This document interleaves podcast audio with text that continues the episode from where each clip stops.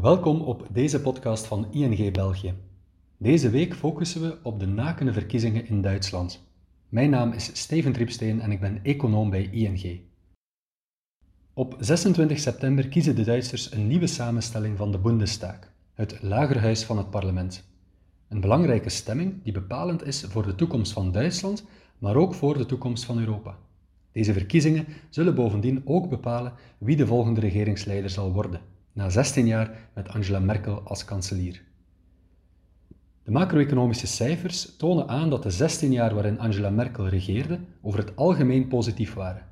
Deze periode kende een solide economische groei, een lage werkloosheidsgraad en gezonde overheidsfinanciën.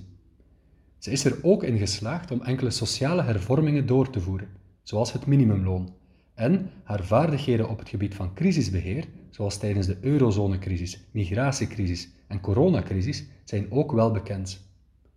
Een puntje van kritiek is toch dat ze er niet is in geslaagd echte structurele economische hervormingen door te voeren, die het groeipotentieel van Duitsland kunnen verbeteren.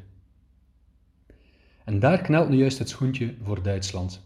Als we de huidige situatie vergelijken met die van vier jaar geleden, toen er ook parlementsverkiezingen waren, dan moeten we concluderen dat de structurele problemen van toen vandaag niet verdwenen zijn. Een eerste belangrijk probleem in Duitsland is de achterstand op het gebied van digitalisering. Dit was zo al zo in 2017 en is vandaag nog altijd het geval. De tweede uitdaging is het aanpakken van de verouderde infrastructuur en investeren om de economie koolstofvrij te maken. Er is dus nood aan meer investeringen. Deze behoefte aan investeringen beperkt zich niet tot infrastructuur, maar is ook nodig in het onderwijs.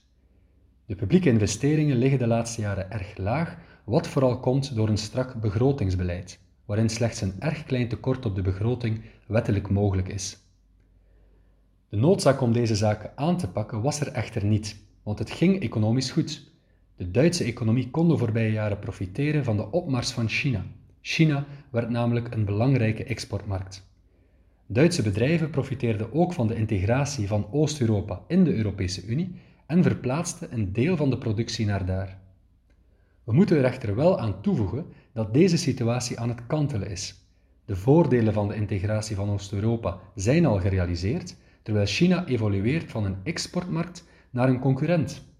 We stellen ons dan ook de vraag hoe lang Duitsland verder kan zonder de structurele problemen aan te pakken. De verkiezingen zouden dus een moment kunnen zijn om alsnog het pad te effenen voor de juiste hervormingen.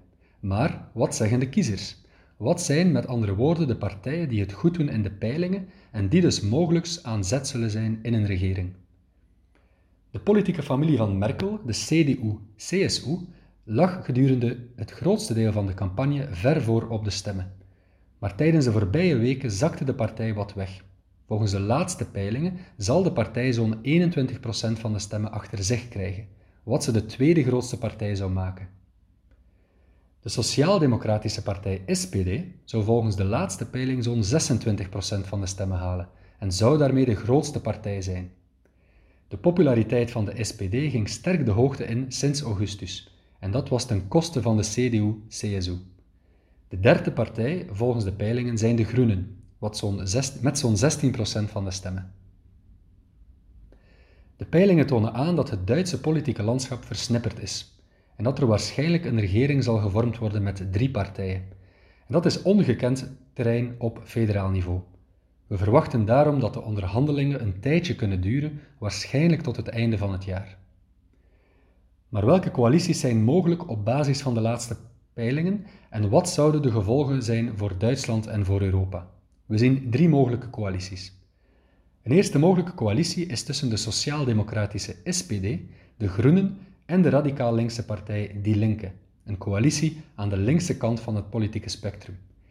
Deze coalitie zou de weg kunnen vrijmaken voor meer economische integratie in Europa en een versoepeling van de Europese begrotingsregels, en voor iets meer overheidsuitgaven in Duitsland. Deze coalitie is volgens ons wel onwaarschijnlijk.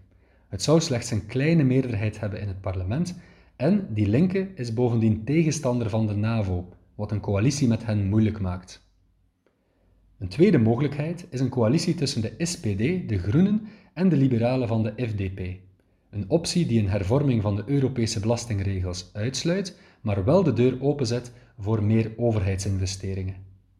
Een laatste optie is een samenwerking tussen de CDU-CSU, de liberale FDP en de Groenen, een coalitie die zich meer aan de rechterkant van het politieke spectrum bevindt.